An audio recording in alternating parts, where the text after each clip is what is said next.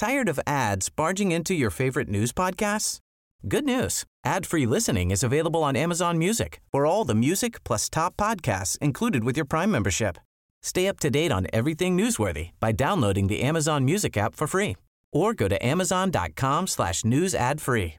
That's amazon.com slash news ad free to catch up on the latest episodes without the ads. Ja, ja, klart, jo, men liksom. exakt så är det. Man håller sig levande. Man tänker jag bryter snart ihop liksom men man håller sig levande hela vägen in och mår bra liksom.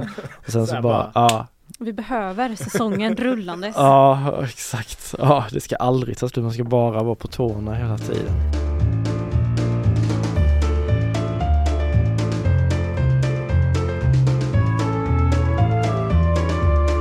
Hej välkomna till GPs fotbollspodd Laul med vänner som fokuserar på fotboll i allmänhet och fotbollen i väst i synnerhet. Då är panelen samlad för sista gången i år för att göra någon form av bokslut, även om allt inte riktigt är slut ännu. Vi har ju ÖIS och Utsikten kvar i sina kval och en eh, del Europaspel. Men hur det går där och allt runt om det kommer ni såklart kunna följa på gp.se eh, sport här närmaste tiden. Eh, I podden som sagt så rundar vi av säsongen redan i det här avsnittet. Innan vi gör det så ska jag ställa fråga till er. Orkar ni upploppet också? Vi har ju några veckor kvar av den här eh, otroliga hösten. Ja, det är klart att vi gör. Jag tycker att det känns ganska sjukt att serierna är slut faktiskt. Det har gått så himla fort, speciellt på slutet här. Mm, hösten bara rusade förbi verkligen. Det känns inte så länge sedan som man stod där på Vallhalla och det var de här första träningarna. Och... Oj, du backar ända dit. Ja men faktiskt alltså jag tycker det, nej men jag tycker hela säsongen, jag tycker eh, livet går så jävla fort hela tiden nu så Och en säsong alltså man följer ju verkligen eh, Alltså det är de här hållpunkterna liksom första träningen, Ja, första jo, ja, eh, premiärerna, sommaruppehåll, alltså det, och så spurten och så är spurten över nu liksom även om vi då som sagt har ÖIS och Utsikten kvar men Det är klart att vi orkar men eh, lite touch på re- reservtanken är det verkligen. Men jag tycker mer det känns som att, alltså jag minns inte någonting egentligen som eh, har hänt innan, vad blir det, typ september. Utan det känns som att det var de här tio omgångarna kvar när, när Göteborg gick in i det där att det levde på alla håll och kanter liksom. Det, det, det är vad som får plats i min minnesbank nu. Vad som Mm. hände i somras.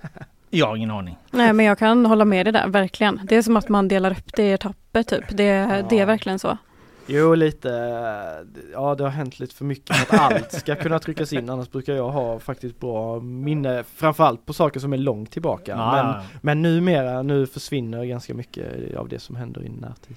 Det är ju faktiskt så att det har varit spännande kring alla lag som vi har bevakat också. Ja, Ja, oerhört eh, de här sista eh, tio omgångarna då. Eh, som jag har sagt många gånger. På, på alla håll och kanter. Och det jag menar liksom. Det, det, det känns som att liksom vad fan som hände i somras och våras. Det, det, det, det vet det fan. Det var en jävla höst här i fotbolls Göteborg i alla fall. Den saken är klar. Eh, vi ska eh, runda av det som sagt. Vi ska prata om guldfinalen nere i Malmö. Vi ska prata om ÖIS som tog sista chansen. Och Utsikten som räddade eh, sitt allsvenska kval då. Vi ska prata om IFK Göteborg som klarar sig med nöd och näppe undan kval. Och eh, vi ska avsluta med en Svennis-skala som ska spänna över eh, säsongen. Men jag säger som jag brukar säga här i början. Är det någon som har en spaning? Ehm, och nu är vi där igen att jag hade någon jävla spaning men jag glömmer bort. Nej. Kan vi köra den nej, igen? nej jag vet, jag, nästa säsong så ska jag, jag ska skriva ner Nästa säsong, då jävlar. Ja, då, då, då, då. Nej men okej, där är en spaning som jag kommer ihåg men det är inte den jag egentligen Men jag tycker det är lite anmärkningsvärt, Malcolm Moensa Jag tror det var fjärde gången han blev degraderad från Superettan nu när J Söder åkte ur Han är liemannen för de lagen han kommer till alltså, han Vilka åkte, har du de fyra eller? Ga- Gais två gånger tror jag. Ja. Han, eh, ja i och för sig 2012 var han väl med och då var det ju ur allsvenskan ner till superettan. Sen var det ju Gais då 2021, sen har det varit Dalkurd. Nu, nyligen, han har väl varit med, ja han har varit på fel sida när Gais och Dalkurd liksom. Han har varit på förlorarsidan varje gång, sen nu J Södra här att han åker ur också. Så Vilka värvar han till nästa säsong? vem vågar? Ingen. Ingen vågar värva Malcolm. Nej men han är ju skön snubbe så jag tycker synd om honom för eh, det är en fin kille liksom. Men eh, nej han har uh, jävla olycksamulett alltså. Mm. Jag hade en spaning men den föll tyvärr i med guldfinalen. Vet ni, den, är rätt, den hade varit rätt bra så att hade Elfsborg vunnit, vet ni vad, hur, vad som hade varit det säkraste kortet i så fall om man hade velat vinna allsvenskan eh, 2024? Säkraste kortet. Ja. för att vinna säkraste draget för att vinna Allsvenskan 2024. Om nu vi säger att Elfsborg hade vunnit den här guldfinalen så de hade blivit mästare i år. Och det var en knepig fråga. Det var en Ja, knepig det fråga. var det verkligen. Men vad gjorde Häcken 2022? De hade en ny inmarsch. Vad gjorde Elfsborg 2023? De hade en ny inmarsch. Så skulle man vinna fotbollsallsvenskan 2024 då skulle man satsa på kraften som en ny inmarschlåt ja, ja, ger. ja, ja, ja. Eh, nu blev det inte så så att eh, med, med, det, det. med det föll spaningen. Jag hade ändå tackat och tagit emot om de kunde göra en ny låt faktiskt. Jag tycker inte den var Vilka? topp. eh, Elfsborg. Igen? Ja, Den är ju jag, för fan ny. ja, men vad tycker du om den då? Jag tycker inte att den är toppen. Ja, den är- han hyllar den som Ja alltså jämfört med det, det, det de hade innan är det ju ett klart lyft skulle jag säga i alla fall. Eller? Mm. Ja, jo den, den, eh, den glömde man bort rätt så enkelt. Den Ja. de hade senare, och det är ju tecken på att den inte var särskilt bra. Den här sätter väl sig lite men jag tycker de, de, de har ju kört den i andra sammanhang. Alltså de har väl Mm. haft den låten på arenan liksom Mm. i andra sammanhang. Så eh, för mig blev det också lite så här som att de valde någon mellanväg. Mm. Men eh, den funkar väl liksom. Men Ja. det finns ju en radda som är bättre. Det Ja, men jag den har ju inget lyft liksom. Det kommer inget lyft, man känner inget eh, power. Det finns så andra det- många lag som har så mäktiga låtar. Ja så är det ju men det, det, det ni, du och framförallt Besseling var väl naturligtvis lyrisk eh, över det här att den le, levde sig in i någon första halvlek. för Ja att alltså klacken sjöng ju vidare den Ja, 10 det minuter, en kvart var och det, helt, det, eh, det, det, Nu lägger du inte detta på mig va? Det var Besseling som var otroligt lyrisk över att klacken fortsatte. Jag gillar den och jag tycker det är liksom lite tvärt emot dig där att, eh, att när de klämmer i på refrängen där att det, det, det tycker jag det, det, det lyfter mig lite grann i alla fall. Jag gillar det. Jag gillar ju i och för sig Ida Redig också, Häckens där. Det fick jag ju skit för när vi diskuterade det Filip med, Ja, med Linus här. Ja, men den var tycker jag jag gillar Häcken, den passar bra både för, för dam och herr där liksom och, och, och, och det är en fin, fin eh, sång helt enkelt. Ja det håller jag faktiskt med om och där är det är flera lag nu som har fina inmarscher. IFK Norrköping där, Krunegårds gillar jag också väldigt mycket och ja, Blåvitts och Hammarbys, alltså det är många som har bra nu. Men eh, jag vet inte om det är något lag som kommer ha någon ny till nästa år. Gais har väl snackat lite om att även om Gårda Kvarna Skit kanske inte är den som eh, de går in till så, så har man ju sett surret i rätt många år att de skulle ha någon ny så då hade det blivit SM-guld för Gais 2024. då, SM-guldvarning om på Gais då, ja. Om Elfsborg då hade vunnit, men nu blir det ju en icke-sak Ja, istället. men en topp tre, topp tre garanti om de byter inmark. Det kan du bjuda Ja, ja. Gais-supportrarna på. ja, exakt. Ja, nu spänner de bågen. Frågan är vad Utsikten hade svarat med för låtar. Ja, just det. Ja, herregud. Tänk så.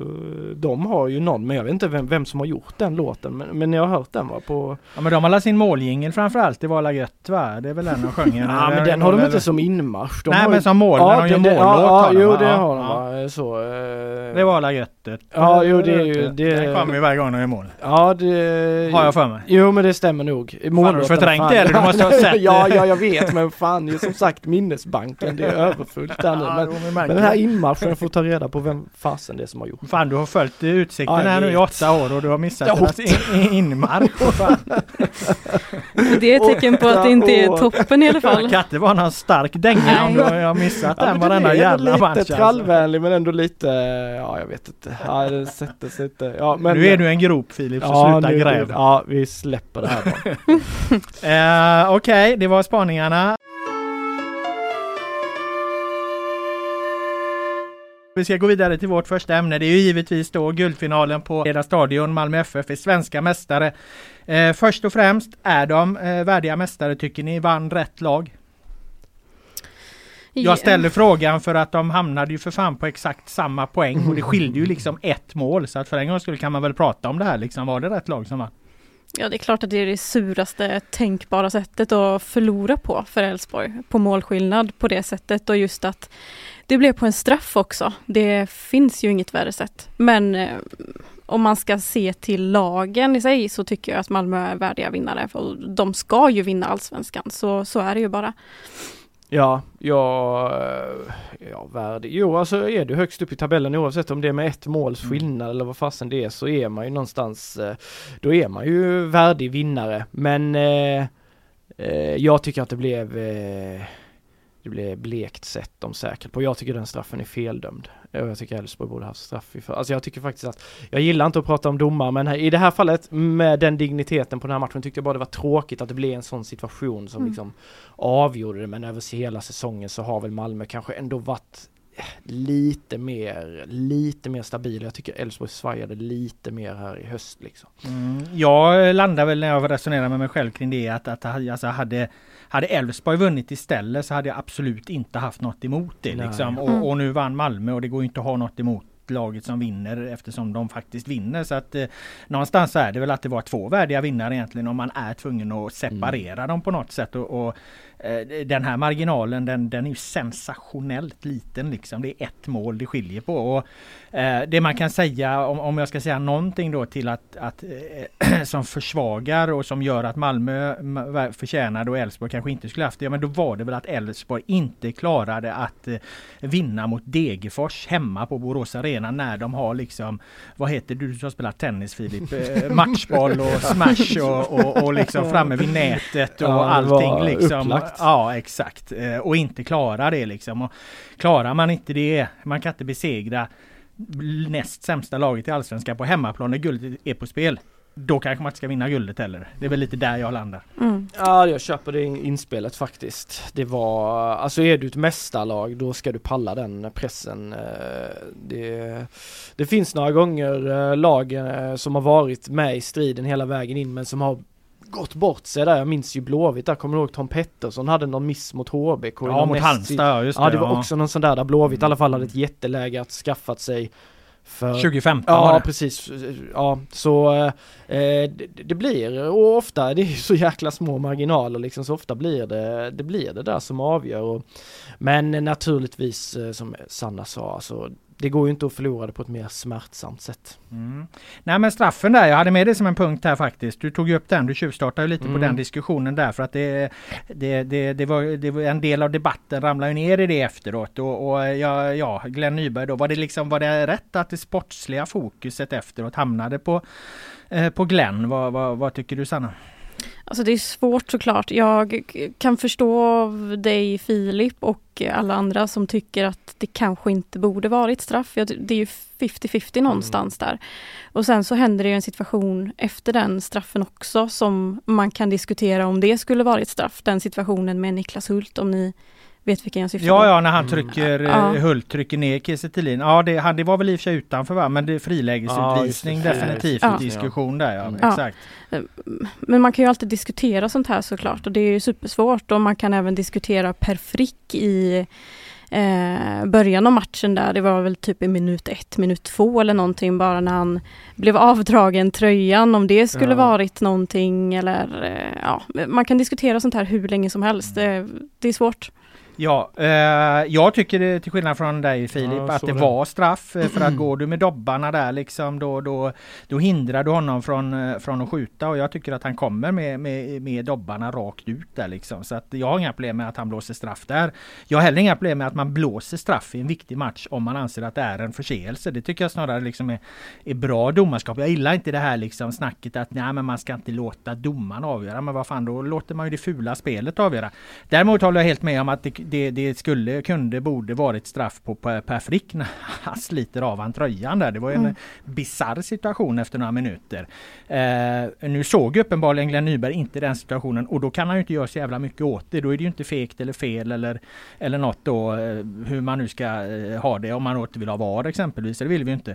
Inte de flesta i alla fall. Nej. Så att eh, eh ja då, då, då, då, då landar jag li lite liksom att ja men det här är fotboll liksom. Det här är inte så jävla mycket att tjafsa om egentligen. Det här är fotboll och, och någonstans i den enskilda matchen så var väl också Malmö FF det bättre laget. Det var de som matade fram fler situationer. De hade mer boll, de hade fler chanser, de hade fler halvchanser.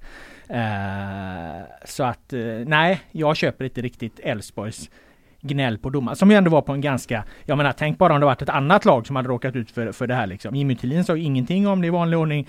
Andreasson eh, vart ju skogstokig till en början men hämtade sig sen och spelarna var ju besvikna och så. Men det var ju inte de, de, jag tyckte ändå att de hanterade sin besvikelse okej okay, eh, jämfört med hur, hur, andra lag kan gå på när det blir domarsnack.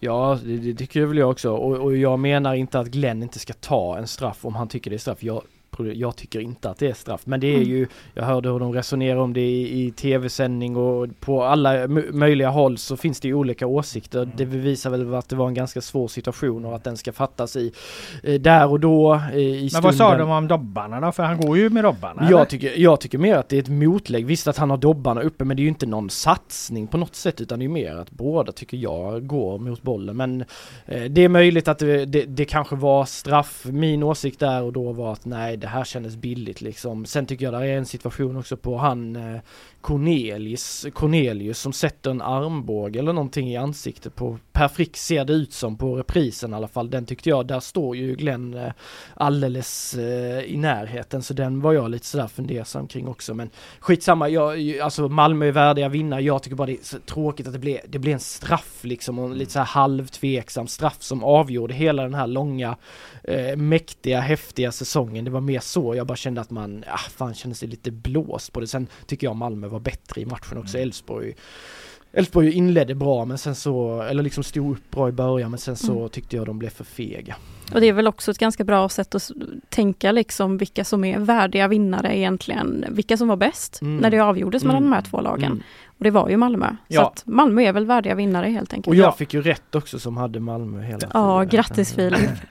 Det hade jag i mitt tips också. Däremot min, min, min gulduträkning då eh, slog... eh, Garderingarna Ja, men den slog nog rätt ändå skulle jag säga för att jag fick nog in i alla fall Elfsborgs poäng där så att det var Ja. inga större fel på den Ja, det är sånt här som du gillar att ta upp nu va? Jajamän. Ja, Nej men i, i, i, i, tipset i våras hade jag Malmö och det hade du också Ja. och det hade väl de flesta. Ja. Så att det var Ja, så nej, sett, det det, var ju den, det var den stora favoriten. Eh, Ska man säga något om Malmö så borde de väl ha, ha säkrat det här med större marginal egentligen. Men eh, Ja. det, den är väl svår att kasta på dem. Mm. Eh, däremot så tycker jag, i alla fall för mig, så blev den här matchen eh, helt förstörd. Eh, för- fullständigt totalt förstörd för, och, och jag upplevde det som en stor sorg. Att sitta där, jag brukar känna en enorm glädje vid prisceremonin egentligen oavsett vilket lag det är som, som lyfter den här bucklan. För jag har följt den här serien länge och, och, och, och ja, så länge det liksom inte är, AIK som, som vinner så, så, så brukar jag tycka det är fint när de lyfter eh, pokalen. Nej men skämt åsido, alltså nästan alla lag som vinner tycker jag det är jävligt fint. Men med, med som det här blev, hur länge satt vi där? Sanna tre och en halv timme.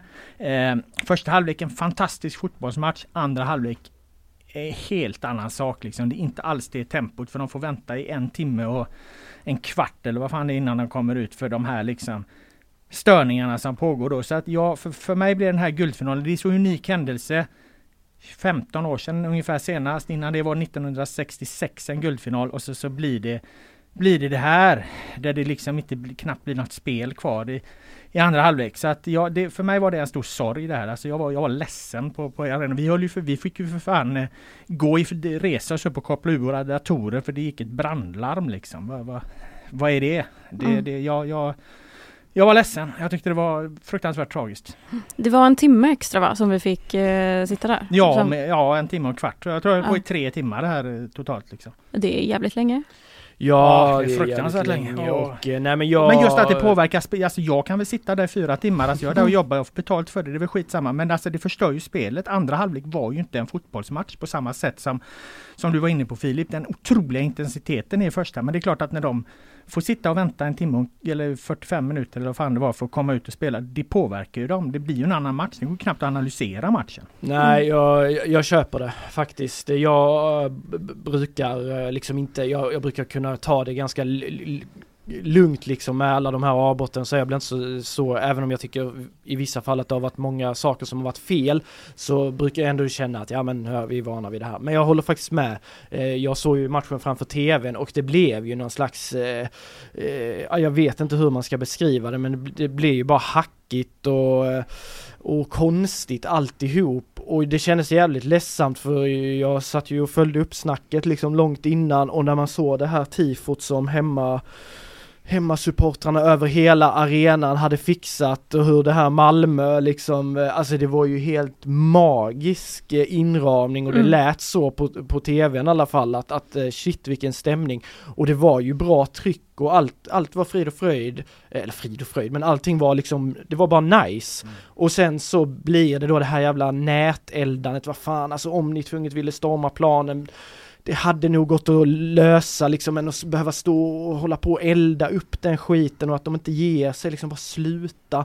Och sen så att brandlarmet då går på det och att de ska elda MFF när Elfsborg då var klara och att det blir avbrott, två avbrott, alltså Nej, det blev bara, det blev, eh, det blev en tomhet faktiskt, mm. tycker jag. jag. Jag blev också jävligt besviken faktiskt. Mm. Mm. Vad upplevde du när vi satt där Sanna? Nej men jag håller med såklart. Alltså man är ju så peppad inför. Mm. Det är ju mm. alla som är där mm. och eh, man är ju där för fotbollen någonstans. Och det tappar ju lite när det blir så här. Så långa avbrott och fel fokus liksom. Det, det är trist. Mm.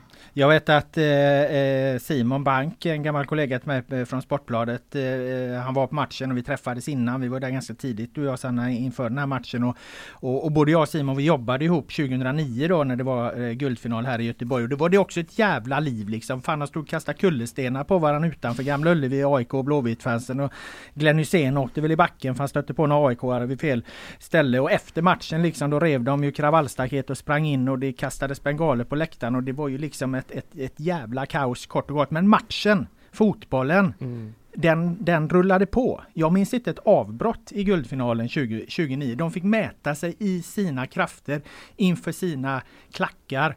Och sen att de höll på liksom vid sidan av, det tycker jag också är förkastligt. Men, men spelet kunde pågå. Det är den stora skillnaden här liksom. Alltså här, här blir det liksom spelet som blir kidnappat. Och, och då förlorar ju fotbollen. Mm. Ja, nej jag, jag håller med. Alltså det är klart att man inte ska uppmuntra till någon slags sammandrabbningar utanför. Nej, givetvis men, inte. Men, men, men, men, men jag håller med. fotbollen fredad ja, i alla fall. Och, och, och, det var ju magisk stämning den dagen också. Och, och som du sa, båda klackarna var helt galna, elektrisk stämning, uppskruvade till max. Men ändå att man kunde hålla det. Låt spelarna få avgöra det här på, på, på schyssta premisser liksom. Nu blir det bara ja det blir halvdant liksom, det måste vara så svårt för spelarna också, även om de är vana vid avbrott så var ju detta något ändå extra liksom mot vad vi har sett tidigare i och med att det blev så himla långt så nej det är återigen bara väldigt tråkigt att det mm. blev så. Men det är också så här, de är vana vid avbrott. Mm. Det är de ju verkligen mm. och det mm. är ju tråkigt att det har blivit så. De ska inte behöva bli vana vid avbrott. Och det är väl någonting som de verkligen borde kolla på till nästa säsong, hur man ska utveckla den biten. För att man kan inte bara ha avbrott på avbrott och låta det hända liksom någonstans om ni fattar vad jag menar. Jag nej, inte, nej men alltså allt är ju, alltså det, alltså det handlar inte om att vara någon paragrafryttare. Jag menar nej, nej. Om, om, det, om det liksom blir något kaos uppe på något Stockholmsderby en gång vartannat år, då är det här ingen diskussion. Om det liksom brinner någon bengal i, i klacken vid inmarschen och, och, inte så mycket mer än så, då blir det heller ingen diskussion. Liksom. Då, då, blir det, då, då kommer det inte vara ett problem, för då kommer folk och alla se mellan fingrarna. Men när det blir så här så går det inte att se mellan fingrarna eh, med det längre. Mm. Och, och, eh, ja, då, då, då blir det till slut att det tvingas fram åtgärder som egentligen ingen vill ha tror jag.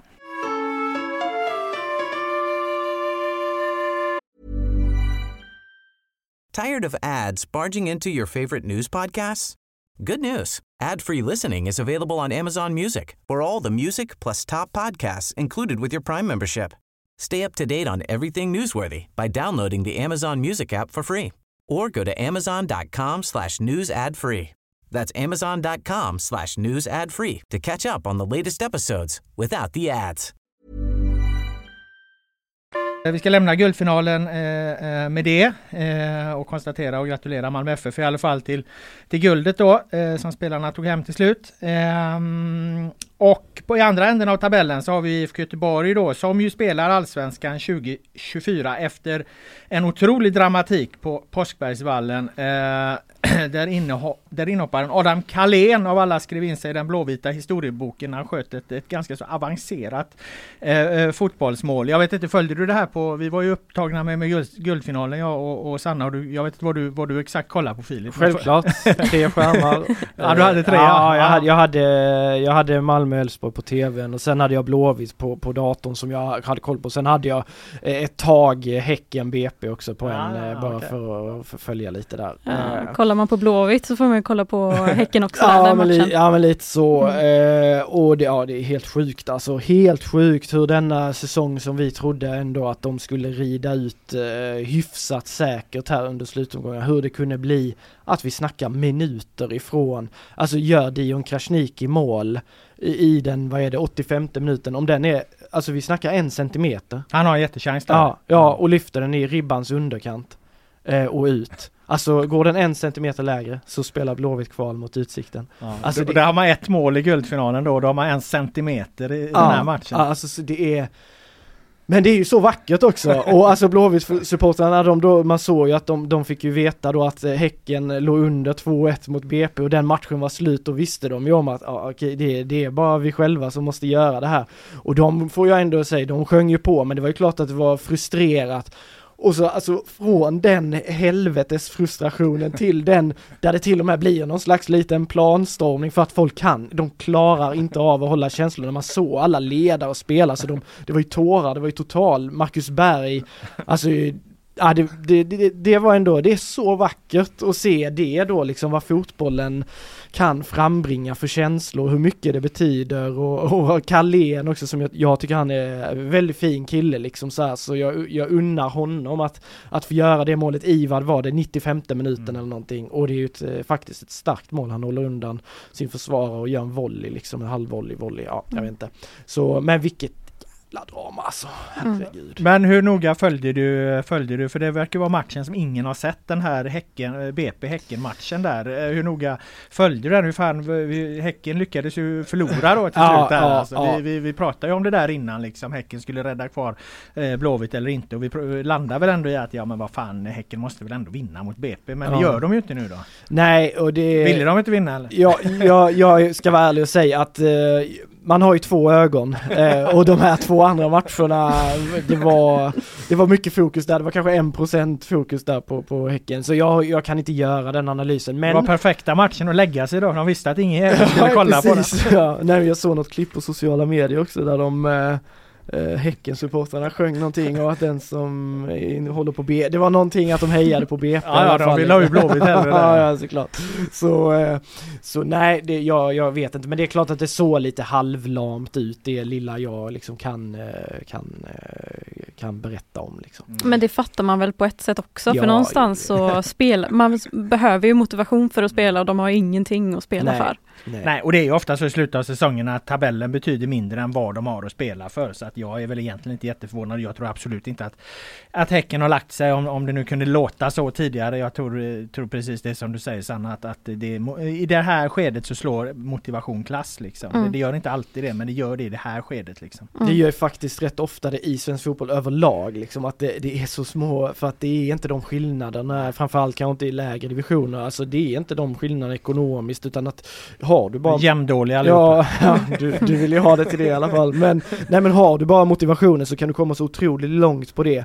Men, eh, ja, man får ändå credda Blåvitt, alltså Mukolli han bränner ändå, han bränner en straff i, vad är det, 89 minuten eller någonting. Tre meter över sa de Ja, när vi satt ja. där på, på, Ja, på, vi har ju på, kallat honom att han, han har inga nerver den gubben liksom. Vi, han har ju klivit fram i alla lägen och varit så säker. Chippat. Och, Ja, chippat varit hur coolt som helst. Men jag tyckte man såg på honom att här har jag hela, hela IFK Göteborgs framtid på mina axlar typ. Eh, eh, så jag blev inte så förvånad ändå att han, att han la den över. Jag trodde ju att han skulle få den på mål naturligtvis, men jag tänkte fy fasen, den pressen, kliva fram eh, i det läget, liksom vi tickar upp mot 90, han vet om jag måste göra mål.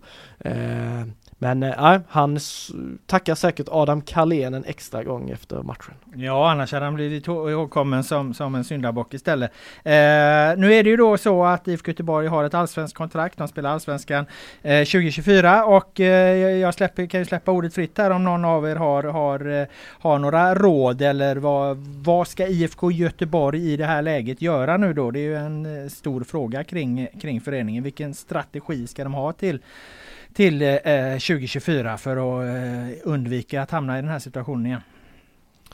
Nej men det eh, handlar väl om att för en gångs skull eh, ha lite kontinuitet kanske, eh, i alla fall på tränarposten, rör för helsike inte Asko här nu även om det så torftigt ut på slutet. Han har sämre poängsnitt än Stare. Ja, det spelar ingen roll, de ska köra på honom ändå tycker jag. Eh, det, det, det får vara färdigändrat och nu har de Ola på plats och Eh, låt honom sköta det här nu, lägger jag inte i, utan så här, låt alla sköta sina uppgifter och sen försök föryngra truppen, få in lite mer speed hade jag, eh, alltså visst att de fick in det med Santos och Mukolli inte långsam heller, men kanske lite mer speed och lite mer killerinstinkt, liksom sådana fripassagerare som Sulle och, och Markovic och de här, de måste ju bort i det här fönstret. Rensa det och så in med lite yngre, hungriga spelare. Mm. Idag... Astrid Selmani är redan borta ja. Exakt, exakt det var det jag tänkte säga och ja, jag vet inte fasen vart jag står i den frågan faktiskt. För man vet ju vad han har i sig, sen så har han inte riktigt fått fram det på slutet men jag skulle nog tro på honom i Blåvitt ändå om han fick fick vara där lite längre så tror jag att det hade varit en bra värvning för Blåvitt faktiskt. Eller ja, vad, vad säger jo, ni? Jo, men det, alltså det som är vanskligt med den här typen av värvningar som man har sett så många gånger, det är ju när spelare som har varit i en annan liga kommer tillbaka rätt in i en säsong, ska leverera direkt. Det, ibland tar det liksom, ibland levererar de inte förrän de får en, en försäsong liksom. Alltså det tar mycket längre tid liksom än att bara starta upp på max eh, eh, direkt liksom. Mm. Så att det, det talar väl till, till Selmanis eh, försvar. Eh, det som talar till hans, icke till hans försvar då, det är väl att jag har liksom aldrig varit superimponerad av honom. Var egentligen inte superimponerad av han när han var i Hammarby, när han ändå gjorde en del mål liksom. För då spelade han i ett, ett jävligt liksom eh, fungerande anfall där eh, med, med bra lagkamrater. Jag vet inte riktigt om han kommer få det i, i IFK Göteborg. Jag vet inte vad, vad han eh, levererar egentligen till i förhållande till vad han skulle kosta och så här. Så att jag tycker den är lite svår. Mm. har de ett, ett, jag tror att de kan få ett, ett, ett bättre alternativ helt enkelt. Annars hade de väl inte gjort det. Mm. Sen har det ju ryktats lite om Dion Krasniqi från eh, Varbergs Boys. Mm. Eh, den är också spännande. Jag tycker att han är superbra och eh, är helt övertygad om att han kommer värvas till en bättre klubb, eh, Dion. Men frågan är om Blåvitt är valet för honom. Ja, rent spontant känns det väl som att han hade kunnat hamna i något nej jag vet inte vad jag ska säga men Något jag, bättre. ja, det var det jag tänkte säga men det Var det han, var det agenten Patrik Mörk, var det här som han gick ut och skrev på Twitter att eh, dementera att han var klar eller? Ja det var ju för att det blir så himla känsligt i och med att det var han som sköt ribbskottet i undersidan eh, att eh, och så rapporterade Skånesport tror jag om att eh, jo han var klar och det var redan dealat och klart innan Varberg och Blåvitt skulle mötas. Den är ju rätt eh, du om man, rätt säker om du, du prickar får, undersidan mm, av ribban i så fall. Ja, jo, så, ja precis. Men man får väl vara rätt säker också kanske från, eh, från medias håll då på att mm. den där verkligen, verkligen, verkligen, verkligen är hundraprocentig. För du sätter ju den spelaren i en ganska taskig sits mm. eh, annars. Eh, och Mörk gick ju ut där sen om det är spel för galleriet eller för att skydda honom liksom eller, eller vad det är, det har jag ju ingen aning om. Men eh, ja, det är väl inte otänkbart att han hamnar i, i, i Blåvitt så småningom. Jag tror ändå det är en typ av spelare som de eh, definitivt kollar på, för det är ju en yngre spelare, han är väl inte mm. mer än 20-årsåldern och, och sett fin ut den här säsongen så eh, Ja, det, han kan nog bli bra. Selmani, jag vet inte, jag tycker han var helt rätt liksom och powerspela att få in, han fick ju dem faktiskt att, tro på det den, den, när han kom in i somras och den mentaliteten. Men jag tycker väl kanske att det är lite för länge sedan nu som han, eh, som han levererade, alltså även om han har haft skadeproblem och det varit rörigt för honom. Han hade säkert kunnat lyckas i Blåvitt med en försäsong innanför västen, men jag är lite kanske ändå som du Robban, att de kanske kan få något bättre och att det är ändå lite av en chansning liksom så. Men eh, ja, Krasniqi, jag tror ändå han skulle kunna göra något bra i mm. Mm. Uh, jag har tre råd till IFK Göteborg. Uh, tre saker som jag tror att de behöver förstå för att ta sig upp ur den här situationen.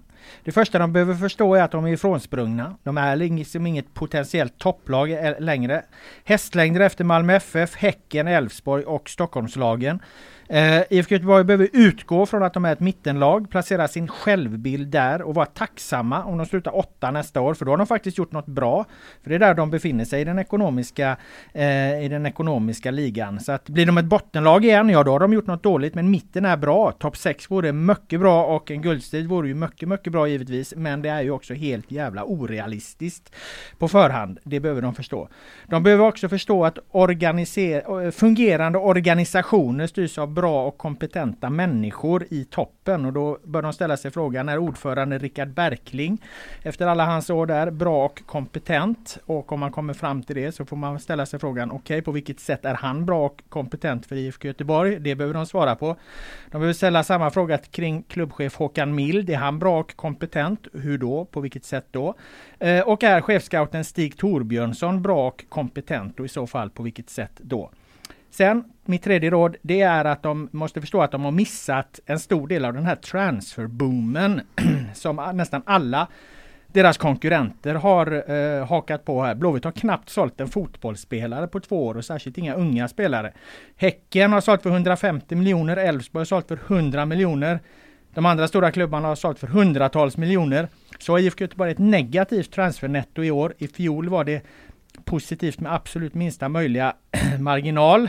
Så att där behöver IFK Göteborg också jobba med sin självbild. Att de plockar inte längre fram några talanger och säljer dem om man ser till de två, tre senaste åren. Deras mest eh, eh omskrivna eh, talang, det kan du säkert vittna om eh, Filip, det är ju Linus Karlstrand. Han platsar knappt i Utsikten. Där någonstans befinner sig IFK Göteborg med sin talangproduktion just nu. Och eh, här har de ju missat då enorma pengar liksom som placerar dem i, i, i en viss ordning i, i den här ekonomitabellen. Väldigt långt från Malmö FF, Stockholmslagen, eh, Häcken och Elfsborg. Och det leder mig eh, tillbaka till punkt ett då, förstå att man är ifrånsprungna på det och konkurrera med, med lag som Kalmar, Mjällby, Sirius och Gais. Där befinner sig IFK Göteborg. Ja, nej jag tycker väl det är ganska, ganska kloka råd. Eh, men jag är ändå inne på att ju, det, det, allra viktigaste tror jag är att de inte börjar göra något hokus pokus på, på försäsongen som det har varit. Ja, ah, vi skickar Farnerud, ja ah, vi skickar Stare. Alltså det där är ju usel timing i båda de eh, avskeden. Eh, så, så det där eh, ska de ju, ska de göra några ändringar då, då måste de veta om. Sen är Berkling går ju inte att ta något beslut för det är medlemmarna som tar det beslutet och det brukar vara någon gång i mars.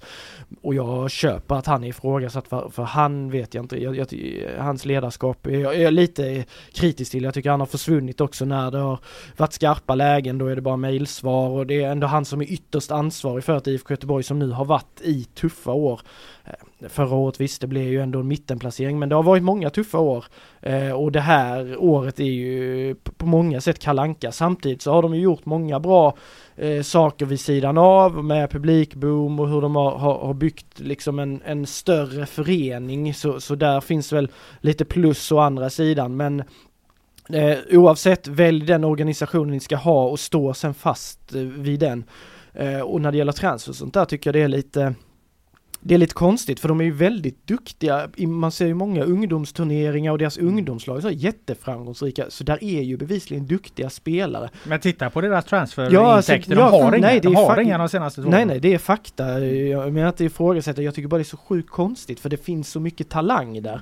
Eh, i, I leden underifrån så eh, mer hitta tillbaka till det gamla Blåvitt om man får säga så. För de var väldigt duktiga på det ett tag. Även om de inte är det, den klubb som har fått allra bäst betalt genom åren så var det ändå en, en tid där det kom upp unga och så tog de de där kliven och så kunde de få mycket eh, betalt. Mm. Vet du jag tror det beror på som du är inne på där och som jag berörde också där. Det tror jag är att om du hela tiden håller på att ändra där med tränare och ideologi och sportchefer och allting. Mm. Då blir det så jävla svårt att haka i det du utbildar nerifrån. Ja. Alltså du måste hålla på att utbilda, utbilda, utbilda i ganska många år och sen också ha samma liksom strategi ovanför. Det är då du kan efter ett tag hitta guldkornen. Det är då du kan få in den kontinuiteten som till exempel Elfsborg som du har bevakat mycket Sanna eh, har eh, hela, i alla led där liksom. Då blir det mycket enklare att arbeta i det. Så att jag tror att de, de har blivit extremt sårade genom alla de här förändringarna mm. hela tiden. Så jag tycker heller absolut inte att de ska förändra på, på Jens Asko även om han har sämre poängsnitt än Stare som man kan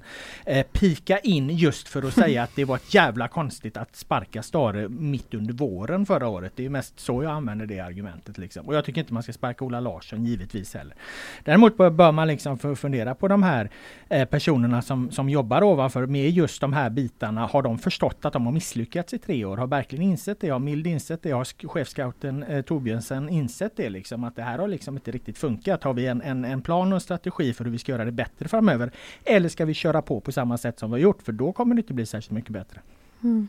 Nej, samtidigt så, så här för Stig, man tänker definitivt att han ska ha kritik för flera av de här spelarna han har snappat upp och Sen är det väl inte han som tar det faktiska beslutet att den här killen ska värva, så har jag i alla fall förstått det som. Det är väl mer att de har varit någon slags sportråd där liksom. Men det är ju rätt så svårt för en chefscout också som värvar till en tränares ideologi, en tränares spelsätt och sen är inte den tränaren kvar när serien börjar utan då är det några andra som ska ratta skutan. Då är det ju ganska sannolikt att det behövs annan typ av spelare för att det ska passa in. Och det såg vi ju i somras när då Asko fick den typen av spelare som han ville ha till sitt till sitt spelsätt, Thomas Santos, Mukolli och så vidare, ja då blir det också ly lyckade värvningar och sen en sån som Bongs på Kanel och de här, det är ju jättetalanger liksom. Jag tror definitivt du har en poäng i det där att hade de fått jobba under trygga förhållanden då hade de redan varit sålda för stora pengar ute i Europa. Ja, det är lite speciellt att Bångsbo hamnat i frysboxen så som han har gjort eller? Ja, det, det är klart, men det, jag tror det är som Filip säger, det är sånt jävla tryck på verksamheten. De har, mm. de liksom har fått för sig att de är ett lag för en tredje plats och då blir det sånt jävla tryck på det. Hade de accepterat, okej okay, just nu några år, då kanske vi är åtta liksom, men här kommer talanger få mogna och så, då blir det mycket enklare och, och, och uh, att sånt bär frukt helt enkelt. Men, mm. men, men, men de har inte haft den självbilden. Jag tror att de börjar få det nu. Jag tycker, jag, vet, jag intervjuade vad heter han, Gustav Svensson vid något tillfälle och, och just apropå att Geis var på väg upp och, och jag, han tyckte det var kul. Men jag sa det fan, då får ni en ny konkurrent eh, här i Allsvenskan, en ny bottenkonkurrent sa han då liksom. Så att spelarna börjar i alla fall liksom mm. mm. snabbt med magkänslan i, identifiera sig som ett bottenlag och det, det är för mig ett positivt tecken. Ja, men de har ju haft sin tuffaste säsong på länge Blåvitt. De har ju legat där nere hela tiden mm. och det har varit med dem hela tiden. Eh, så att det hade varit konstigt om de såg sig själva som något annat. Ja men samtidigt är det ju fjärde gången på sex år de är i bottenstrid. Ja. De har ju varit i bottenstrid alltså fyra av de sex senaste åren. Och tidigare har det inte hjälpt för att sen när det har blivit vår igen, du ska se sen framåt februari, då kommer Håkan Mild och prata om topp tre igen. Alltså, mm. alltså då skjuter jag mig i huvudet om man gör det. För så, då, då, det, Säg inte så. Nej, men alltså, Nej men jag, jag, och grejen är att man ofta så känns det som att det är supporter, alltså så här, att det är supportrarna de säger det för. Men jag tycker ju Blåvitt, de har ju bevisat att de kommer ju vara lojala även när det går skit, även om det, det tas ner förväntningar. De känns ju mer nästan sunda. I, i jag håller med. De börjar bli det i alla ja, fall. Jag tycker jag, alltså det tugget man hör bland Blåvitt, alltså snälla bygg något långsiktigt här nu. Babbla inte massa Nej, storslagna exakt. visioner och sådär. Så, så jag fattar inte riktigt vem, för vem det är de liksom tar i så in i helsike för. Men, även om jag tycker att på pappret så var ju deras trupp kanske, det var ju inte någon trupp som skulle vara i en bottenstrid men det var... Det var, ja, det var ett mittenlag? Ja, liksom, någonstans, där. Eh, där. liksom. Sen kanske jag får, jag kan få suttit någon podd här och sagt att de kan nog blanda sig i topp tre, då, då, får jag, då får jag svälja det. Men eh, nej, det, det ta ner, ta ner förväntningarna nu, gör något från grunden så, så mm. kommer det bli bra för IFK Göteborg för den kraften de har bakom sig med alla dessa medlemmar, all den publik, mm. allt det intresset som finns, då är det bara, alltså det kommer ju bli en explosion den dagen de väl får träff. Ja så är det. Och eh, med publiken där måste de också börja kapitalisera på den. Alltså, jag vet inte vad de säljer sina eh, biljetter för men, men höj upp det med lite så de får in mer intäkter den vägen om det nu går. Eh, det ska man väl kanske inte säga högt. Eh, nu gjorde det en party för då blir supportrarna förbannade på att höja priserna. Men, men någonstans så handlar det ju det handlar inte bara om att fylla läktare. Det handlar också om att kapitalisera på, på, på publiken. Och det ska göras smart såklart. Eh, och, och, det vet jag att de arbetar som sjutton med IFK Göteborg och andra klubbar och, och, och mjölkar supportrarna på så mycket pengar som möjligt. Men det är ju en viktig del i, i, i fotboll. Mm. Ja herregud och det, där är de ju en rävsax ju med Gamla Ullevi nu som är, de landar väl på ett snitt över 16 000 åskådare. Alltså det är ju så otroligt det är hög beläggning på det. Mm. Eh, så det finns ju inte så mycket att växa i. Nej, då, då är det ju, då handlar det om att försöka skapa, skapa sätt att få in äh, intäkter runt matcharrangemanget på något annat sätt eller då öka biljettpriser, kanske lite både och. Eh, men eh, sen tycker jag ju i grunden, jag vill ju gärna att fotbollen ska vara för alla liksom, så jag vill ju inte se några från någon klubb senare så här. Jag tycker det är vansinnespriser faktiskt emellanåt och framförallt ut, utomlands och sådär i vissa mm. sammanhang. Bra, eh, vi lämnar IFK Göteborg där. Vi ska gå över till eh, eh, ett annat eh, lik som lever, höll jag på att säga, nämligen ÖIS. Eh, som ju eh, vi har räknat ut många gånger, men, men eh, de är fortfarande med oss. Eh, det är vi glada över. Du var på plats i Landskrona, Sanna, när, när, när det som vi, vi i alla fall vid något tillfälle under den här hösten har trott inte skulle vara möjligt, nämligen att de skulle rädda den här kvalplatsen. Mm, det var jag och det såg ju inte toppen ut till en början när Landskrona tog ledningen. Eh, värsta tänkbara starten för dem, ÖIS, men de lyckades vända och eh, vinna och det är ju otroligt starkt av dem.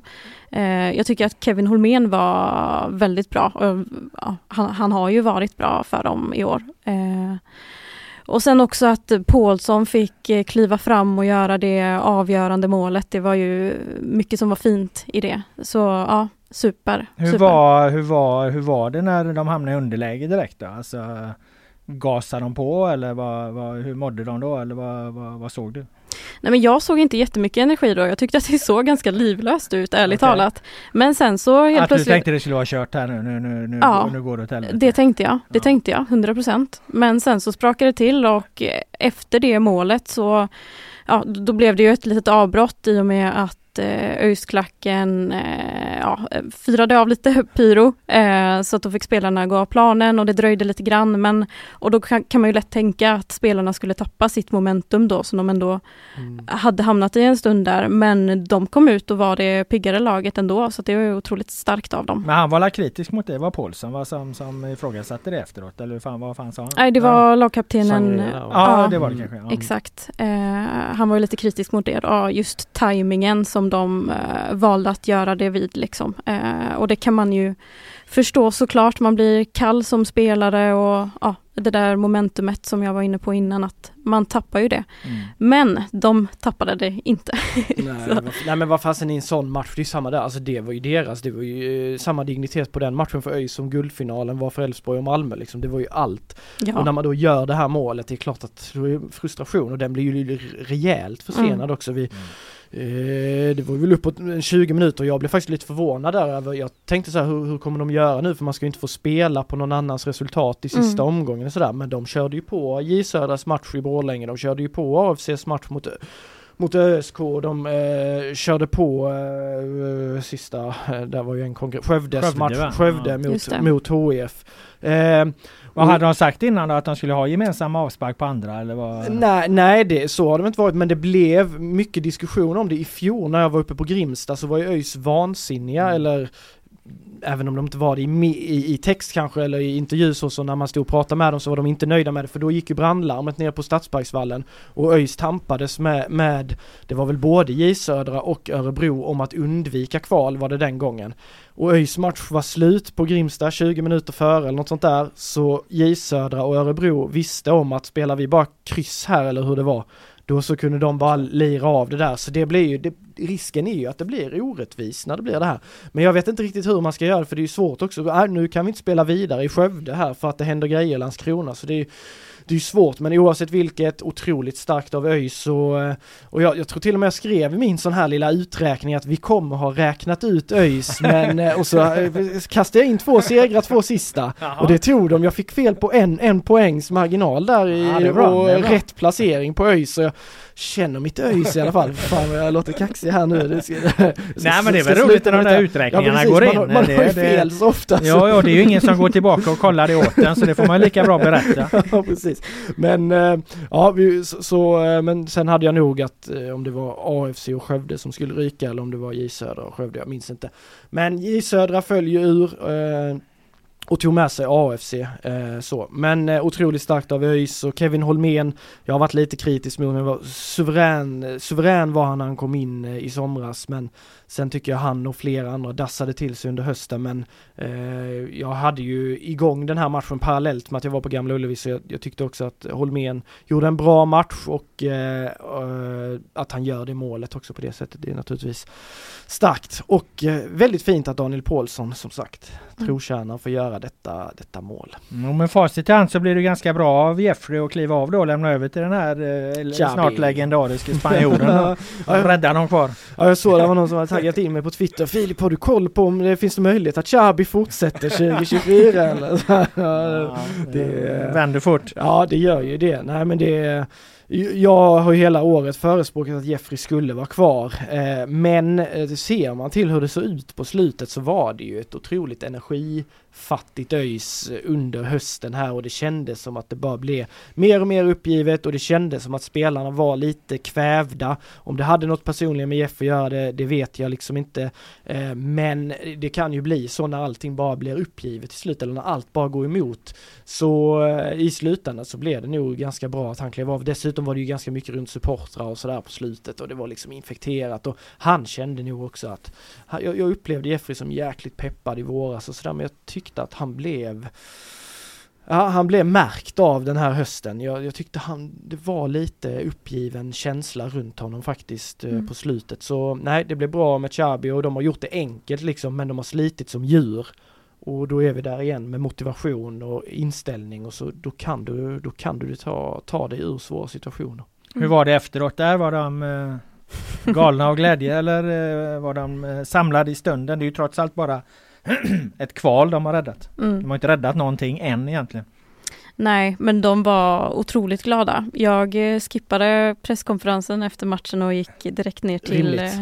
Ja, ja, men lite rimligt mm. och gick ner till spelartunneln för att eh, höra liksom eh, glädje och reaktioner från eh, omklädningsrummet och det Tjuvlyssna helt enkelt. Det gjorde jag, det måste man få göra ibland. Ja, en klassisk journalistiskt knep. Ja, lite så och eh, de hördes väldigt tydligt inifrån omklädningsrummet. De eh, sjöng och eh, höll på så att de var otroligt glada och lättade över, över att de hade vunnit och fått en extra chans. Eh, det var de verkligen, så det var kul. Fatta fan, de, de var ju i princip ur när de mm. hade förlorat i Sundsvall. De, de var, ah, det behövdes ju som sagt inte bara två serier utan det skulle studsa rätt på andra resultat och sådär. Så den känslan de har, det måste ju vara typ som att de har vunnit guld liksom, mm. även om det är ett kval.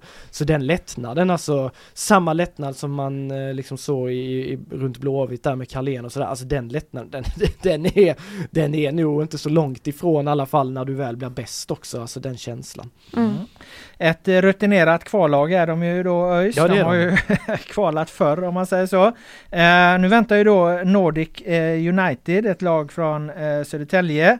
Eh, det laget ska vi inte prata om här. Eh, det går inte riktigt. Det, det är nämligen ett pressetiskt minfält, den föreningen. Däremot så kommer vi att skriva om det, om det här laget så snart som, som möjligt och se vad vi landar i där. Så på gp.se sport så kommer ni såklart kunna följa och läsa och och se eh, vad det är för ett gäng som ÖIS eh, möter i kvalet.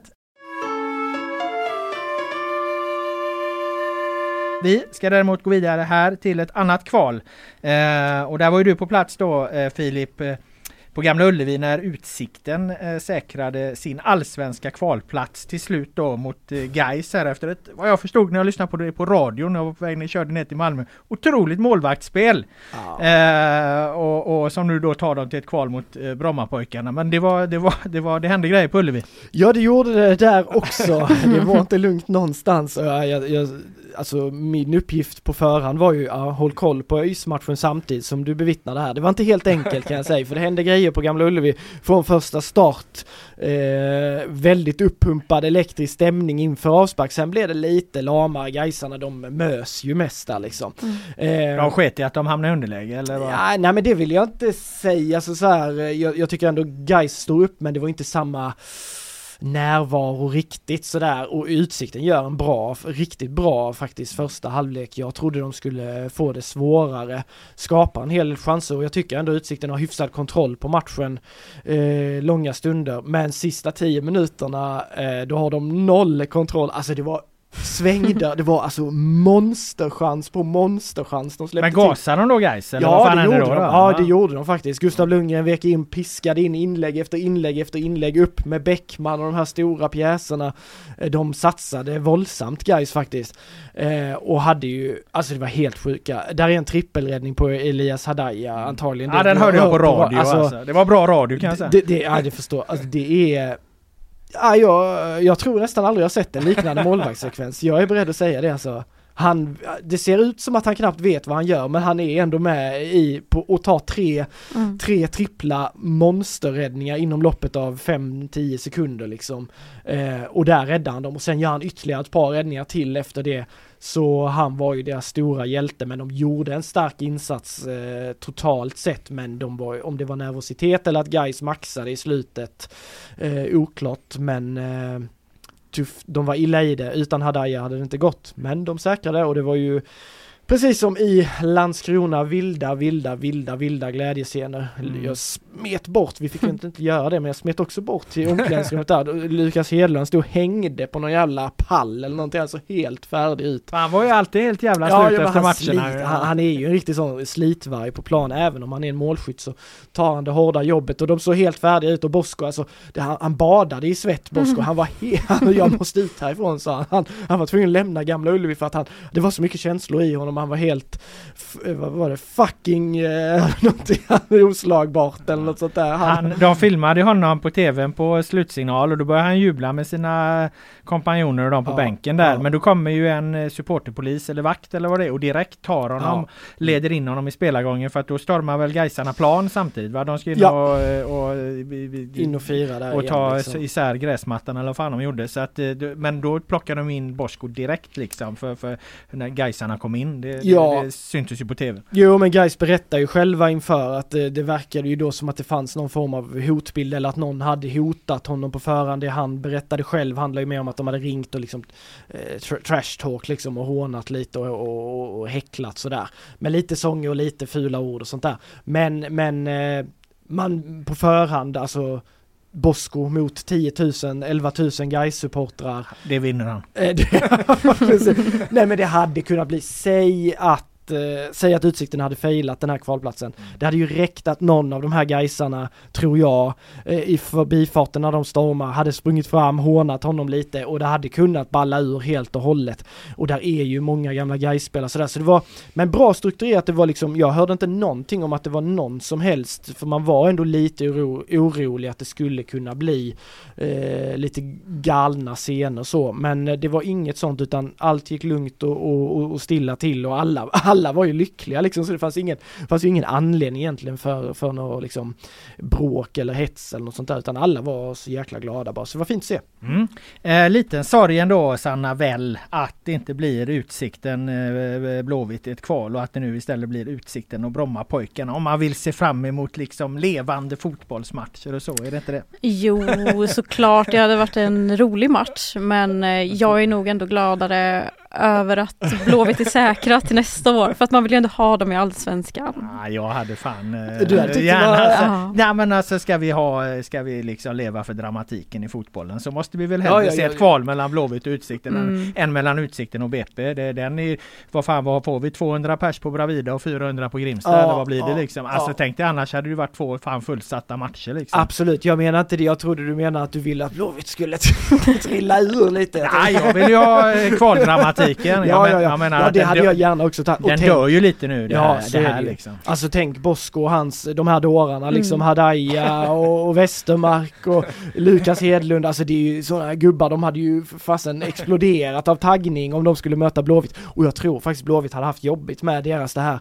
aggressiva man-man-spelet och Mm. Utsikten hade haft allt att vinna, allt att vinna. Och så att de hade fått komma till återigen ett gamla Ullevi som hade varit elektriskt, de hade haft fullsatt ju på Bravida också, det hade ju blivit. Ja, 2002 all over again på något sätt. Eh, Så eh, jag tycker också det är synd att vi eh, blev lurade på den matchen. Men jag håller ju med Sanna, så man vill ju ha IFK, man vill ha de bästa, största klubbarna i, i, i allsvenskan. Så det känns ju ändå bra att, att Blåvitt får, får vara där nästa år. Men Utsikten BP, det känns, känns svalt publikmässigt i alla fall. Men Mm. vi får väl hoppas att Utsikten kan, kan stå upp bra så att det kan bli dramatiskt sportsligt i alla fall. Mm, vad tror du Sanna? Har de någon chans mot eh, ett allsvenskt fotbollslag, eh, eh Utsikten? Har du sett BP tillräckligt mycket i år för att förklara hur det kan tänkas gå? Mm, jag har ändå sett dem mot Häcken och mot Elfsborg två gånger har jag ju varit på plats. Eh, jag tror att Utsikten kommer att få det svårt, eh, men det är absolut inte omöjligt. Eh, ja, det, jag tror, ska jag gissa också? Ja, säg vad fan du vill. jag, nej men jag tror på Brommapojkarna Mm. ändå. Det gör jag. Vad tror ni? Jag tror också på Brommapojkarna. Eh, jag tycker att skillnaden mellan, mellan eh, Allsvenskan och Superettan är, är, är stor. Eh, jag tycker som sagt Allsvenskan har varit dålig i år. Jag tycker Superettan har varit ännu sämre. Så att eh, utifrån från den liksom, eh, analysen så, så, så lägger jag ändå mina slantar på Brommapojkarna. Så lämnar vi över utsikten till, till, till dig Filip. och Sågningen!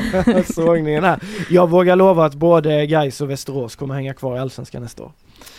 Lova! Ja, jag vågar lova det. Vad får vi om de inte gör Nej, det? jag vet inte. Jag får väl... Du kan ju inte ge ett löfte utan insats. Nej, jag... Middag, vad vill vi veta någonstans? Ska vi ha in en spa, spahelg? Nej, nej, nej, nej, nu får vi lugna oss lite här. Jag kan en middag kan jag sätta på det. Och En åkball middag. på Liseberg? Middag kan jag sätta Ja, på okej, det. middag att ifall- eh, Västerås och ja. Gais kommer hänga kvar. Okej. Eh, apropå din sågning då att hur superettan, hur kasten var här. Så jag tror de kommer stå sig väl. Utsikten, dock är jag ju inne på att BP, för jag tycker BP är ett bra lag. Alltså jag tycker faktiskt låg BP ju fan i, ganska högt upp i tabellen i våras, kommer ja, du ihåg det? Ja, ja herregud, de var ju bästa Stockholmslag eh, sju, åtta omgångar in tror jag.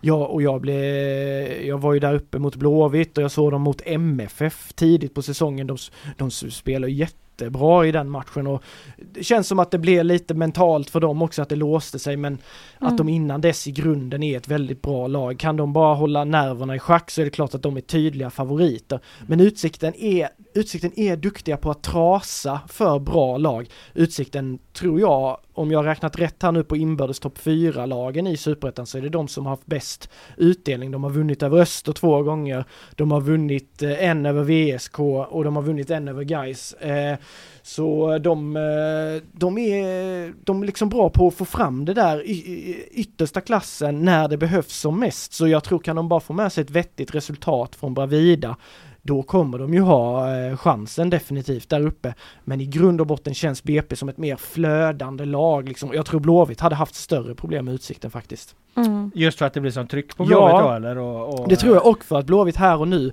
är väldigt torftigt liksom här på slutet. BP, eh, alltså de har ändå känts lite mer eh, jag vet inte hur man ska beskriva det, men mer rappa liksom, att det sitter mer ihop. Blåvitt kändes så jäkla krampaktiga här på slutet. Det blir Eh, två konstgräslag mot varandra nu Ja, också. Annars hade det ja. blivit eh, gräs mot, mot eh, plast. Och nu vet inte jag hur utsikten är på, på gräs visserligen eh, hur de hade varit mot Blåvitt. Men att Blåvitt inte är ett konstgräslag den saken är klar. De har Ja. haft oerhörda problem att spela på det år.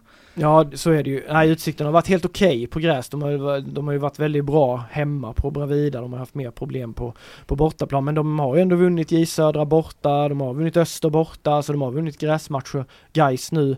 Eh, så de är ganska multi faktiskt på, på den fronten. Men Mm. eh, BP, BP är favoriter såklart. Men du, pratade du med Hadaya efter matchen? Eh, det var eh, Erik eh, som gjorde det.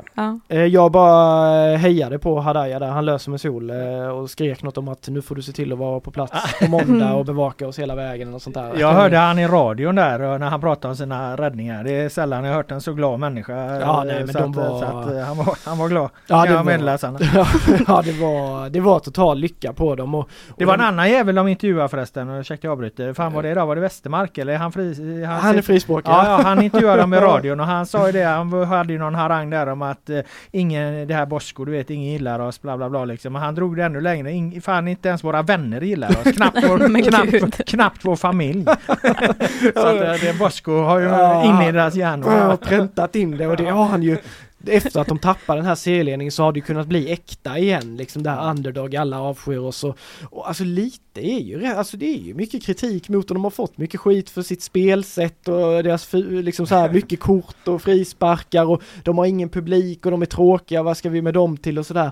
Så och de har ju omfamnat det, det har de ju faktiskt gjort, även om jag tyckte de drog det lite för långt då när de ledde serien stort. Alltså de kan, då kan du inte springa runt och snacka om att du är underdog liksom. Men det var väl ett sätt att skydda, skydda sig själva. Men, men de är ju, och de är roliga också, flera av dem. Liksom Bosko bjuder ju till och Westermark och Hadaj, alltså många av dem är väldigt roliga och charmiga i sitt sätt att snacka om det. Så, så eh, ja, det, det, det kommer bli, de kommer inte ge sig utan fight, de är ju riktiga krigare där. Så BP kommer behöva prestera bra.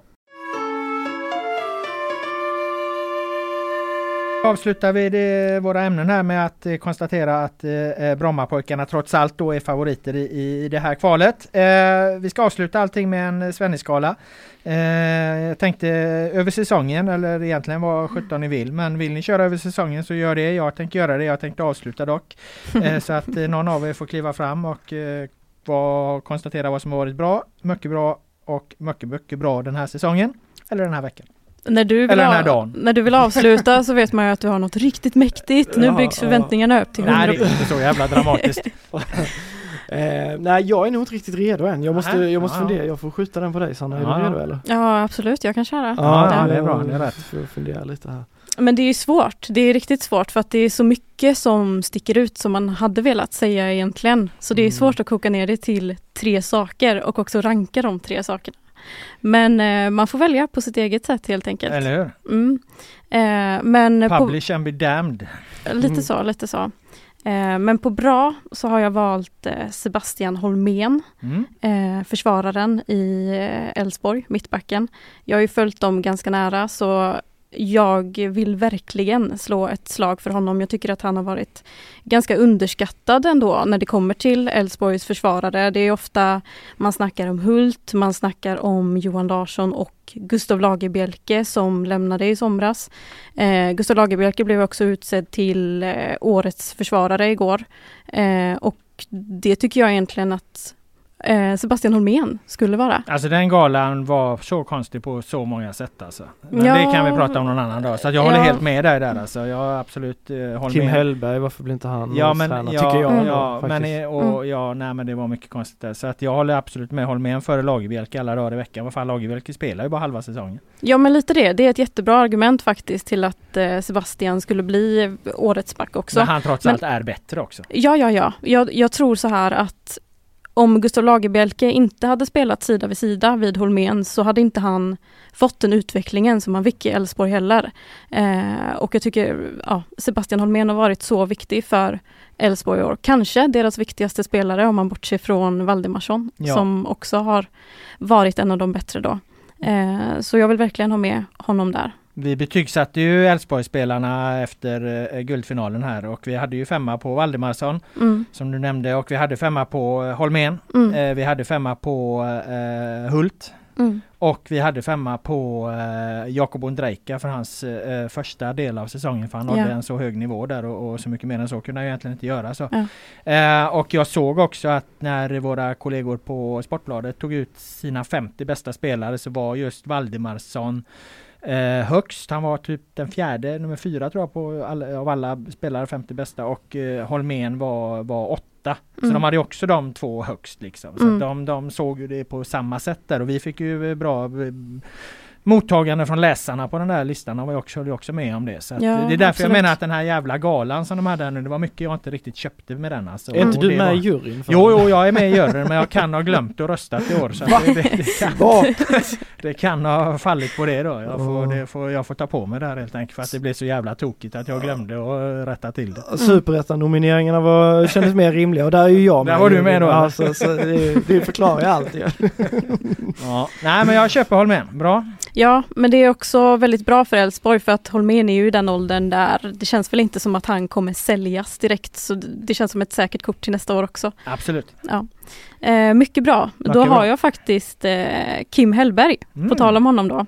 Eh, och det som han har gjort med Värnamo i år, det ska man verkligen slå ett slag för. Det var väl ingen som räknade med att de skulle sluta femma i Allsvenskan eller? Nej, det är Nej. ju det laget som om du, vilket ju egentligen fotboll på nu för tiden handlar om att överprestera gentemot ekonomin så är det ju Värnamo som har varit den som har solklart fått mest poäng för satsad kronan tror jag när man räknar ut vad de haft för omsättning och, och budget och så för Mm. det här året så, så, så kommer man se att Värnamo med deras då förhållandevis minimal, alltså du vet Värnamo, vad fan har, de kan ha fjärdedel av IFK Göteborgs omsättning och ändå liksom tar de så många mer poäng och kommer så mycket Mm. högre upp i tabellen och då förstår man ju liksom hur, hur mycket mer de har fått ut av sin verksamhet. Mm.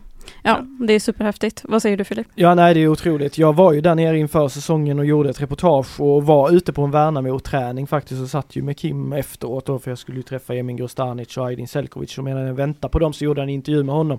Eh, och jag måste säga, när man var där så jag, jag tyckte kvaliteten, för då hade man ju sett mycket av våra Göteborgslags träningar och sådär och Blåvitt då framförallt. Jag tyckte det var så enorm skillnad i tempo och hur roligt de såg ut att ha. Det var Fidde Holmberg-vibes fick jag runt Kim Hellberg, liksom det där var ett gäng som, shit vad de mådde bra och vad de tyckte det var roligt med fotboll. Eh, och så tidigt och det var inte på grund av någon framgång då eller sådär utan men då kände jag bara det här, det här laget de kommer, jag skulle, jag skulle, trodde naturligtvis inte att de skulle bli femma men jag tänkte det här är en väldigt bra grund, det här tempot, den här intensiteten samtidigt som de mår så jäkla bra, verkar så trygga liksom. Och han ledde det hela där. Eh, så eh, jag bara gillar allt som Värnamo faktiskt har gjort liksom och de har gjort det från grunden och på ett bra sätt så jag är ruskigt imponerad också bra med Kim där på, på mycket bra. Mm. Mm. Men pistol mot huvudet då Sanna, du som har följt Elfsborg väldigt mycket. Alltså du håller då eh, Hellberg före Tillin. Tillin blev ju på galan där, han fick ju år, årets tränare. Men, eh, eller har du Tillin på mycket, mycket bra här nu kanske? Nej, det, det har jag faktiskt inte. Men Nej, kanske håller jag borde du, ha. Då håller du Hellberg högre än Tillin alltså? Ja, ja absolut. Ja. Ja. han får bli årets tränare för oss i alla fall. Men han fick ju det på galan. Ja, Ja. ja, det fick Ja. han. Vilket väl är sjukt. Eh, Alltså Jo, jag all säger det, det respekt var åt mycket vad det. Jimmy Mm. Tillin har gjort, han har gjort fantastiskt jobb. Men det Kim Hellberg har gjort med de resurserna och med det materialet, alltså Jo men det var mycket så. De, vad fan Jeppe Ockels var ju för fan en av de tre bästa spelarna. Han var väl med där på något jävla hörn också. Som, Ja, det, som tyck- en- det tycker var jag är väldigt helt- konstigt. Det var ju, det är ju jätte, alltså han var superbra i några matcher i, i somras och har gjort en helt okej säsong. Men alltså vi var inte i närheten av att ge honom en femma bland alla Elfsborgare ens. Så, så ska han vara med som en av de tre bästa spelarna. Så det var så konstigt. De tittar bara på poäng. jag. Ja, ja. tittat Jag vet inte fan vad de matchen? kollar jo, på. man kollar på. Han har gjort, han har gjort rätt många poäng, Mm. Jag tror att de som röstar då, de, de, Mm. de tittar på Stockholmslag, Malmö möjligen och sen poäng. Mm. Ja. Vad hade du på sista då? Eller skulle jag säga något om Jeppe Ockels? Nej, nej, du har tagit över programledarrollen här. Det är bra, du kan köra vidare. Ja, nu checkar jag ut det. nej, nej. Nej, mycket, mycket bra. Vad har du där Sanna då? Nej men den är väl ganska bred ändå och det är väl att det har levt på något, på något sätt så har det levt hela tiden för oss, både i superettan och i allsvenskan och eh, det är ju en fröjd för oss att följa när det är så. Eh, och att det avslutas liksom med den här dramatiken kring Blåvitt och det slutar med en seriefinal mellan Elfsborg och Malmö och det är ju bara otroligt. Det talar för sig själv. Ja. Det är, har varit mycket, mycket bra. Mm. Ja det är hade det. jag faktiskt tänkt egentligen också ha på min där, alltså fatta ÖIS räddar sitt Mm. liv i sista utsikten, går till ett kval, Blåvitts räddning där, Elfsborg, alltså, nej shit. Det, Och då är det bara den sista helgen du pratar om. Ja det är bara den sista här, alltså det är, det är sjukt. Men nej, jag, jag, ja, jag skriver under på det 100%. Det, det är den sjukaste fotbollshöst eh, jag har upplevt sedan jag kom till GP och jag tror det kommer vara den sjukaste fotbollshöst jag har upplevt. Även om vi sitter här om tio år. Faktiskt. Ja, Jag, tror, jag tror inte vi kommer se Mm. något Nej, liknande. men vi kommer ju se tillbaka på det här om jättemånga år och tänka Ja. att vad fan var vi med om egentligen? ja, ja. Den där jävla matchen på Borås Arena med Degerfors-matchen. Alltså, Ja. Den tror jag inte bara det är de. Jag tror, ja, det skrev jag i en krönika. Jag tror att de här spelarna i Elfsborg, de kommer gräma sig resten av sina fotbollsliv för Mm. att de missade den chansen. Ja, Nu när de, det blev som det blev alltså. Ja, De, de skulle verkligen. göra ett 3-2 mot Degerfors och de kommer två mot en. Med en minut kvar. Ja. Mm. Det Ja, fick det de ju ganska det- mycket frågor om också efter Ja. eh, Malmö-matchen där om, om de grämer sig extra över det nu liksom. Ja. Och, ja, det, det var ju inte ens snackat om hur, hur spelarna reagerade efter matchen, hur nedbrutna de var, att de bröt ihop Ja, nere i de mixade grät zon. ju, grät ju i mixade zonen här. Det var ju, det Ja. var ju starkt. Det var väldigt starkt, det var det. Ja, det är fint att se, alltså även om det gör ont Mm. för dem. Så alltså man blir ändå, ja återigen, vad fotbollen berör liksom. Det är- Ja. Så är Det. Eh, bra, tackar dig för det Sanna.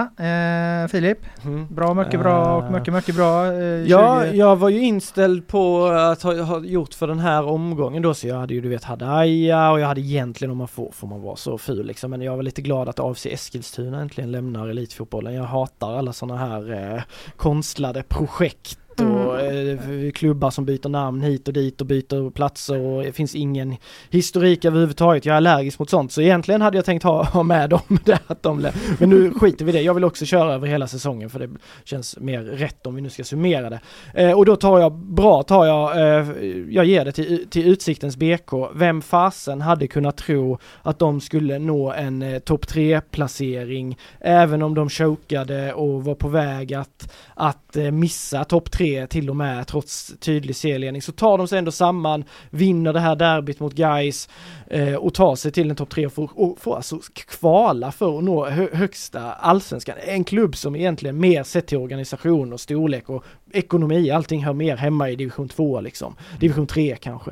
Eh, det tycker jag är det, det är ändå jäkligt häftigt alltså. Inte ens Bosko trodde på det. Han trodde att de skulle komma sexa. Ja, sa den här podden. Ja. Rätt, eh, rätt blek tippade Bosko får man ändå säga som inte ens hade koll på sitt eget lags begränsningar det, och det styrkor. Han, det kan han få höra. För han, han har varit på. Ja, nu tippar oss 15 och nu tippar oss ja, tippade Utsikten. Sex, sitt ja. eget lag sexa och de slutar trea. Ja. För dåligt tippat ja, Bosko. Ja, Men nej, så man kan bara gratulera dem till en mycket väl utförd säsong. Eh, med det spelarmaterialet, där finns duktiga duktiga spelare där men ändå att kunna få ut en topp tre är otroligt imponerande. Mm, bra, eh, och mycket bra. Ja, då får vi ju gå ett hack upp i tabellen. eh, naturligtvis, eh, efter 11 år så måste vi, och med tanke på den fotbollen de spelar hela året, guys, guys is going up och de, de är faktiskt väl, alltså så värda det här att, att äntligen få göra det och Eh, återigen, de underhöll sina supportrar. Det var inte bara att de vann matcher utan de underhöll sina supportrar under hela säsongen och och den, eh, den gruppen guys har där, eh, den, den, tror jag kommer kunna ta dem långt även i, i allsvenskan. Men eh, nej, väl utfört eh, 2023 egentligen från första stund. Alltså träningsmatcherna kanske var lite skakigt men sen kuppspelet och, och hela vägen. Det var en liten svacka i somras men otroligt stabil och, och, och väl utförd säsong. Och jag vill ge ett extra omnämnande till Gustav Lundgren. Han är nu uppe och konkurrerar med Mikkel Rygaard som min favorit i Göteborgsfotboll. Han är alltså fasen vilken spelare han han är alltså. Och han är en sån eh, avig typ liksom som som inte är så snabb men ändå hittar alltid inläggen och han har levererat och, och vann väl assistligan till slut också så han kan få ett extra omnämnande där men Gais är mycket bra. Mm, det trodde jag skulle komma på mycket mycket bra Gais där va? Ja, så att eh, ja. nu är man ju lite nyfiken då. Ja. Sanna vad, vad fan har Filip på mycket mycket bra när Gais kom på mycket bra redan? Mm, det är fan inte fasen. lätt att veta. Om det, det blir... kan ju inte vara ÖIS. nej, nej ÖIS får tyvärr, de får inte plats eh, här. Nej men det är, jag så, jag vet att det finns mycket man kan säga, det har varit väldigt mycket tråkiga incidenter under den här säsongen med inkastade föremål, med massa stökiga matcher. Det, det är för jävligt och det är för tråkigt. Men vi tog oss över 3 miljoner eh, åskådare som gick på Superettan Allsvenskan den här säsongen. Allsvenskan fick ett publiksnitt på över 10 000 åskådare, det har aldrig hänt i 16-lagsserien. Eh, och att vi, att tr trots då att det finns tråkiga sidor så har vi fått se sån jäkla uppslutning på så många håll, fantastiska tifon, eh, där Djurgårdstifot med King Kong där, det kommer jag, eh, det, det, det, det kommer jag inte glömma. Jag tyckte det var så häftigt. Jag tyckte Malmös nu också var sjukt mäktigt eh, det de hade under, just att de hade det så långt innan matchen började, mm. att man börjar köra tifo liksom 20 minuter innan. Så, så om vi bara liksom glömmer tråkigheterna för, för en stund och bara fokuserar på det positiva runt, runt allt med publiken så är jag så jäkla glad för, för allsvenskan, superettan, att det finns sånt intresse och, och om vi gav ett extra omnämn till Gustav Lundgren kan vi ge ett extra omnämn till IFK Göteborgs supportrar tycker jag 16 000 eh, åskådare i snitt under en säsong där de alltså hela tiden var i botten. Det är fasen hatten av för det, det måste jag säga. Mm. mm. Man kanske inte kan dra den slutsatsen, slutsatsen direkt av det, men i och med att Gais går upp och VSK också går upp ja. och Varberg åker ur och Degen åker ur så kanske det kommer slå oss ytterligare nästa år, eller?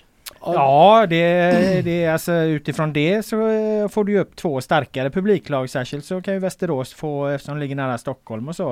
Eh, så men samtidigt så vet man ju fan aldrig hur det är, hur det går med saker och ting. Liksom. Nej, så är det Rätt vad det är liksom så, så, så, svänger saker och så går det i andra riktningen istället. Men jag håller med.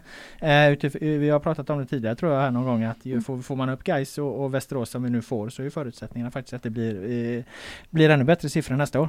Hoppas det. Utsikten kommer väl inte kunna hjälpa till så mycket om de skulle gå upp. Nej, men det går rätt jämnt BP, ut med BP ändå. Ja, så att, jo, eh, de har så väl att ändå det- haft det till Ja. 1500 Ja, men jag menar att det är 2000 så små skillnader där Ja, så att så är det, det det, det, det gör väl ingenting på totalen som det heter. Nej, jag tror också att vi får tänka att det var inget av Stockholmslagen som var med hela vägen in i, i, i guldracet och, och, och Blåvitt då långt ner. Eh, Det, det finns utrymme för ytterligare höjningar tror jag i alla fall storstadsklubbarna.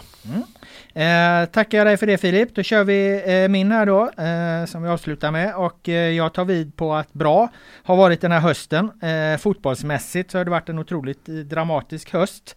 En, en, en höst som det som konstaterats av tidigare talare här lär dröja innan vi får uppleva igen. Jag tror precis som du var inne på Sanna att, att vi kommer att prata om och tänka tillbaka på den här dramatiken och de här, och de här matcherna i, i, i många herrans år alltså. Eh, jag minns ju väldigt, väldigt många guldstrider när jag tittar tillbaka liksom och de har ju sin charm och sin, sin tjusning allihopa. Jag minns när liksom Bayern vann eh, eh 2001 när de tog sitt första liksom guld någonsin då på herrsidan. Det var ju oerhört stort uppe i, i, i, i Stockholm och sen så kom Djurgården och vann eh, eh, två år och sen var det, vann Malmö och då var det extremt dramatiskt för IFK Göteborg Halmstad var just det. nära och sen så tog ju Blåvitt 2007 och, och däremellan så gick ju Elfsborg och vann på sin nya arena och sen kom Kalmar och tog sitt första SM-guld någonsin. Det var ju otroligt stort. Sen 2009 hade vi den här guldfinalen mellan IFK Göteborg och AIK som aldrig hänt tidigare. Sen studsade liksom Malmö tillbaka och vann och så var Helsingborg helt jävla överlägsna 2011 och sen gick ju Elfsborg och vann en gång till liksom med Anders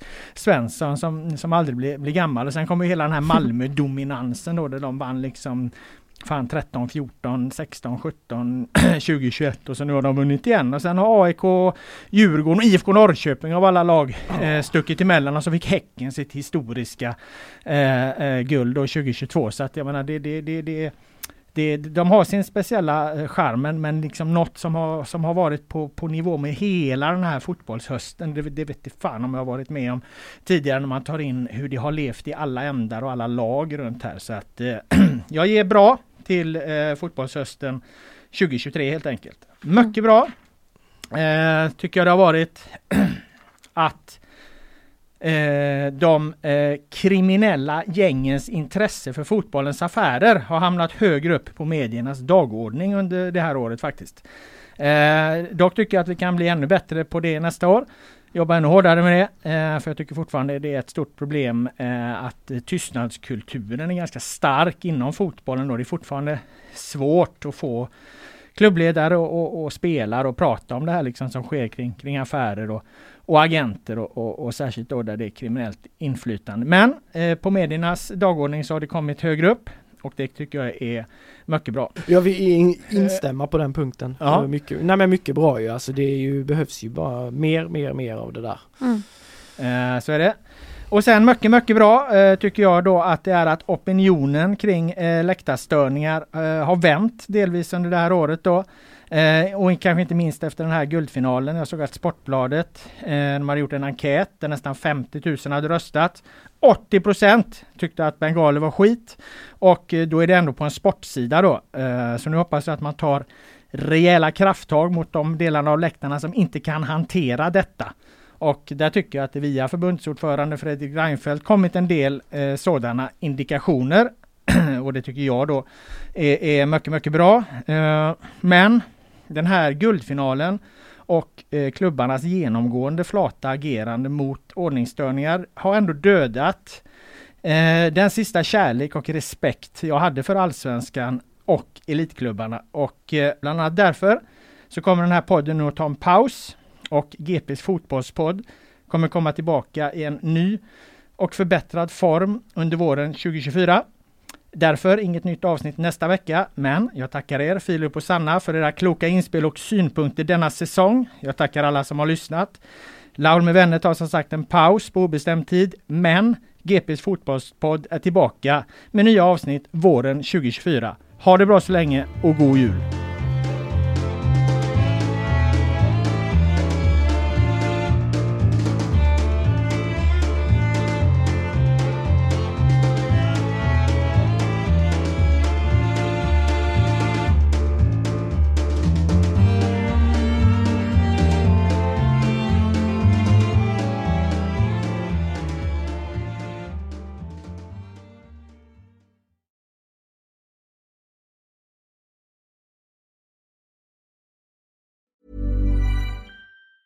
Tired of ads barging into your favorite news podcasts?